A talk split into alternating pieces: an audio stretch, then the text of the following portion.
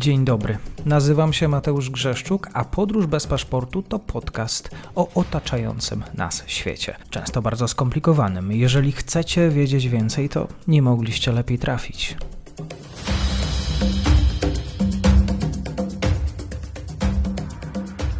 Dzień dobry Państwu, dzień dobry wszystkim słuchaczom. Po drugiej stronie Paweł Rakowski, raport z Izraela. Kłaniam się, dzień dobry. No, dzień dobry, witam Państwa. To jak z tymi czołgami były widoczne w strefie gazy? Słyszałem głosy, że e, Izrael nie nazywa tego e, ofensywą, a już działania ofensywne się pojawiają. Wszystko, żeby nie wymówić tego słowa.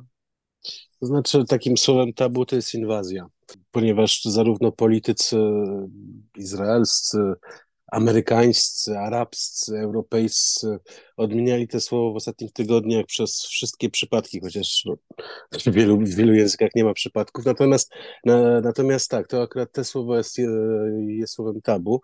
Natomiast e, od mniej więcej 48 godzin widzimy to, że armia izraelska jest obecna, e, szczególnie w północnym sektorze strefy gazy. Mm, to jest mm, taki obszar mniej więcej od e, Morza Śródziemnego do, do pustyni w sumie.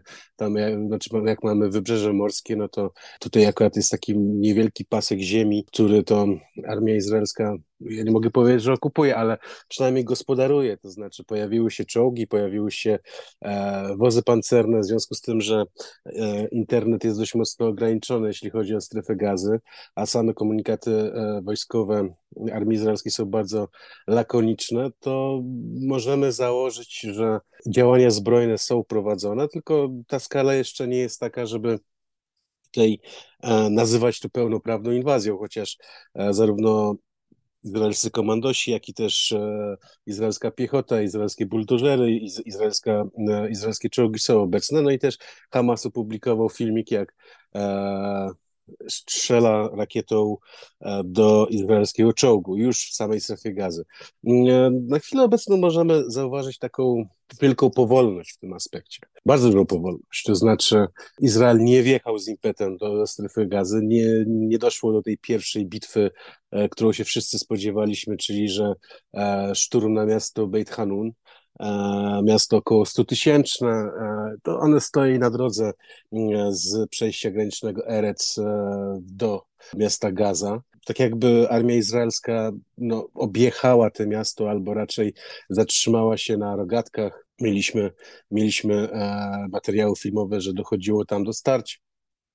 Więc, więc tutaj na pewno w pewien sposób Izrael jeszcze się nie angażuje E, w to, co jest e, kluczowe, to znaczy, czyli, że wielkie, wielkie operacje miejskie, które, które po prostu no, no wiemy o tym, że Hamas jest tam przygotowany, albo nie wiemy, czy jest Hamas przygotowany, ponieważ jednak skala tych nalotów izraelskich i jeżeli założymy że jednak te naloty miały jeszcze jakieś cele militarne, to e, niewykluczone, że po prostu Hamas jest dość mocno przetrzebiony przez te naloty i tym samym sposobem ten chwilowy, chwilowo symboliczny opór na kilku odcinkach e, wojennych jest e, no po prostu wynikiem, wynikiem stanu, stanu rzeczy, to znaczy to, że może naprawdę Hamas dostał mocno cięgi, jeśli chodzi o izraelskie naloty. Natomiast fakty są takie, że Izrael jeszcze nie podejmuje działań wewnątrz, wewnątrz e, zurbanizowanych terenów. E, byli zauważeni na, na rogatkach e, w sumie miasta Gaza, chociaż armia izraelska nie komentuje tego.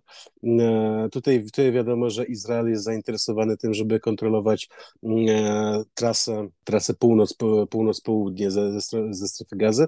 No i też, że będzie się asekurowała też nie tylko od strony północnej, ale też i południowej, żeby tutaj wjechać mniej więcej, do, doprowadzić do tego, że strefa gazy zostanie przycięta na dwa albo na trzy kawałki i te, i te trzy kawałki będą sukcesywnie oczyszczane, ale też nie, też nie wiadomo, czy to będzie etap, który nastąpi w miarę szybko. Na, na chwilę obecną ciężko, ciężko, ciężko wnioskować, czy Izrael tak właściwie tę operację będzie e, tak jakby rozciągał w czasie, czy, czy, czy po, prostu na, po prostu te działania, które prowadzi, to jest po prostu przygotowywanie się do stworzenia wewnątrz strefy gazy, strefy bezpieczeństwa, coś, coś co już o czym, o czym mówiłem wcześniej. Hamas mimo wszystko, mimo to, że Izraelczycy są już no, na takich przyczółkach samej strefy gazy zachowuje dalej zdolność bojową. Rakiety poszły dzisiaj z, na, na, na Jerozolimę, na, na miasto Berszewa, na,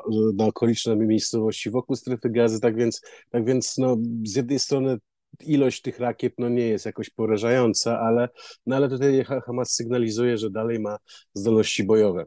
Jeżeli mówimy o rakietach, to oczywiście musimy się teraz przesunąć ze strefy gazy na północ, ponieważ tu już przestaje być e, tylko i wyłącznie szczypanie symboliczne pomiędzy Hezbollahem a Izraelem. Wczoraj Hezbollah już, już nazwijmy to, użył trafił, albo raczej chciał trafić i trafił w izraelskie miasto Kiryat Shmona, które jest w większości opuszczone już przez, przez mieszkańców, ale no to jest e, taki ważny punkt, jeśli chodzi o symbolikę tej konfrontacji pomiędzy szyitami a Izraelem. Izrael też wykonał szereg różnych nalotów już dalej, to znaczy nie w pasie samego płotu granicznego, tylko już głębiej w taką no, północną część południowego Libanu.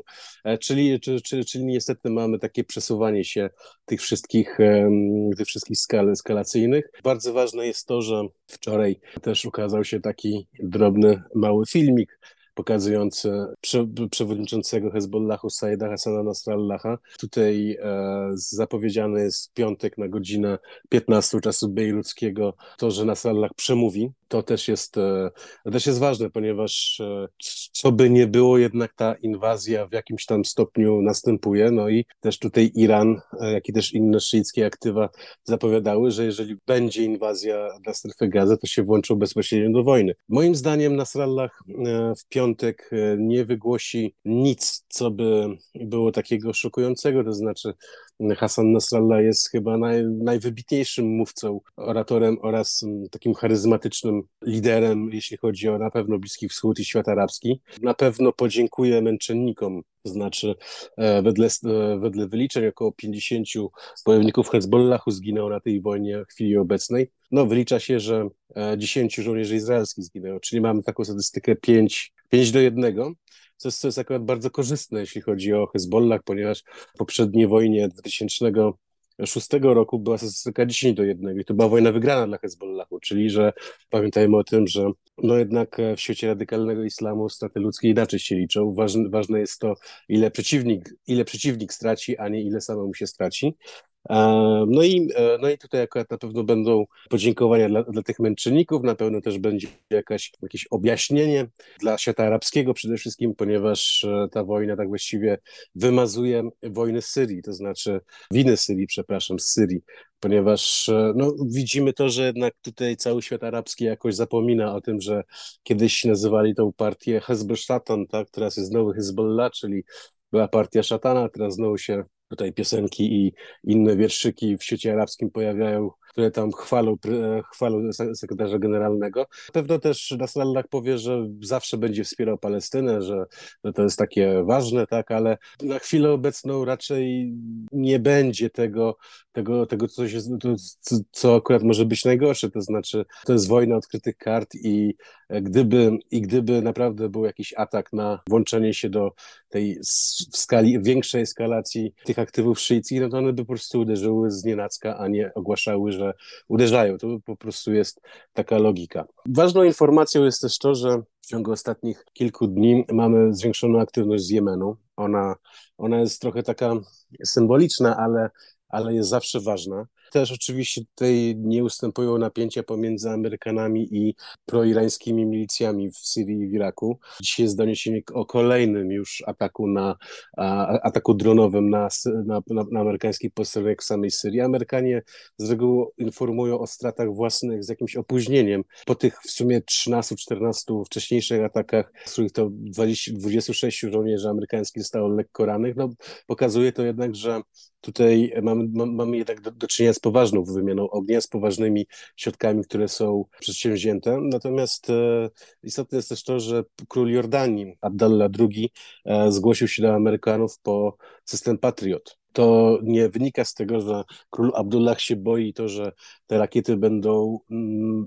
na niego leciały, tylko że e, no, geografia jest nieunikniona. Jeżeli e, proira, proirańskie milicje z Iraku się włączą bardziej aktywnie już na ten front izraelski, to to po prostu taki też paradoks historii. Szyici zaczną naśladować Saddama Husseina, znienawidzonego przez siebie zresztą, no i też będą puszczali rakiety na Izrael, a te, a te rakiety muszą przelatować przez terytorium Jordanii. Więc, więc, więc, więc tutaj e, mamy w dalszym ciągu pewne otwarte kwestie, które które, które się, nie, e, się nie otwierają, chociaż wczoraj już wczoraj w nocy e, e, była dość scysja, jeśli chodzi o izraelską politykę, ponieważ Izrael rozpoczął wczoraj praktycznie całą nocną bitwę w mieście Jenny na zachodnim brzegu. No i wywołało to dość duży problem, jeśli chodzi o wewnątrz politycznych układów w samym Izraelu, ponieważ no, opozycja względem Benjamina Netanyahu, szczególnie, szczególnie tutaj e, lewica, no, krytykuje bardzo za to, że armia izraelska tak właściwie pod, pod, pod jakimiś auspicjami Ben-Gwira no, rozpala sytuację na zachodnim brzegu, w, w miejscu, w którym to w miarę jako tako jeszcze jest spokój. No i też to, że przede wszystkim to Abu Mazen, czyli prezydent autonomii palestyńskiej, władza palestyńska, no powinna, nazwijmy to, mieć swoje pole do, pole do działania, żeby się wzmocnić.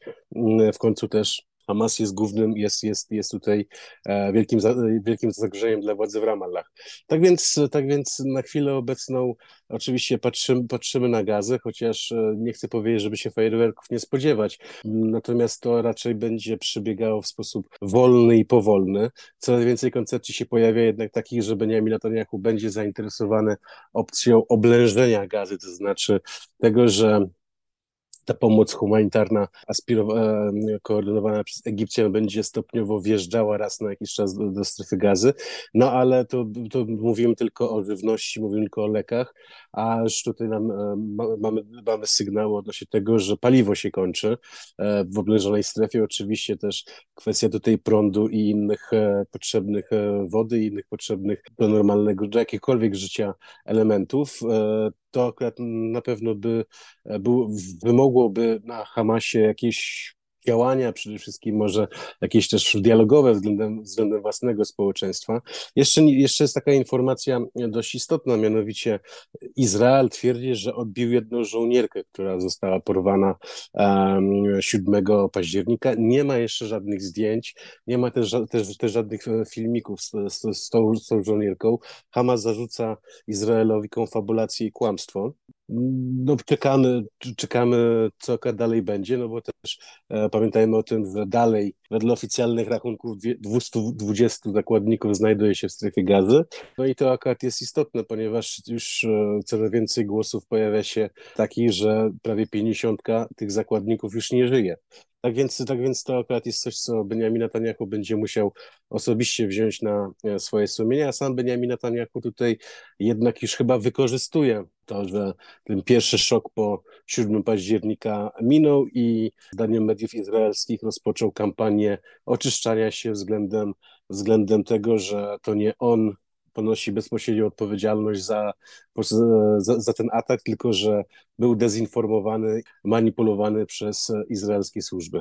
Tak więc, tak więc tutaj jeszcze, tak, jeszcze tak na koniec taka ciekawostka, mianowicie pojawiają się takie doniesienia w infosferze jeszcze nieweryfikowalne, co prawda, ale, ale takie na pewno sądowanie. Turcja ma wysłać okręt e, taki szpital, okręt szpital e, do, do, strefy gazy i analogicznie, analogiczny pomysł ma też rosyjska marynarka wojenna. Zresztą wczoraj ukazał się filmik, jak, jak dzieci ze strefy gazy proszą Władimira Putina o to, żeby tą wojnę zakończył. No tutaj wiemy o tym, że e, Władimir Putin e, ma naprawdę niestety za dużo do powiedzenia w tym konflikcie i lepiej, żeby ta wojna się przebiegała i zakończyła bez, telefon, bez telefonu na Kreml.